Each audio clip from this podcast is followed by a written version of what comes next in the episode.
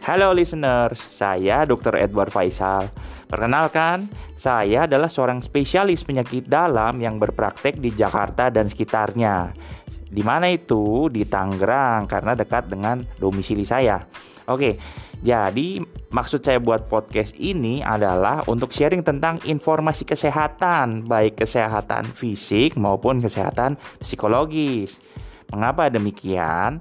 Jika hal tersebut dapat dilaksanakan oleh para listeners, maka kesehatan tidak stagnan tapi meningkat. Hasilnya apa jika sudah meningkat? Adalah peningkatan kualitas hidup. So, stay tune terus dengan podcast-podcast saya berikutnya dan jika memang baik menurut listeners, tolong di-sharing ya. Terima kasih. See you.